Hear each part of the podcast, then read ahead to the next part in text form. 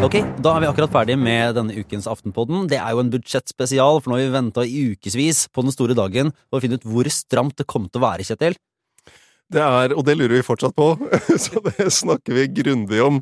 Men det er eh, altså budsjett, det er jo en fest, og dette skal vi holde på med i ukevis. Ja, og eh, siden eh, Trine og Sara av en eller annen grunn hadde et eller annet eh, privat de måtte drive med, så har vi henta inn tidenes eh, vikar, Torbjørn Røe Isaksen. Du har vært med, gitt oss innsikt og kunnskap. Ja, jeg trodde det skulle være Jan Thomas stramt, og så var det med mer eh, DDE Brøndbo.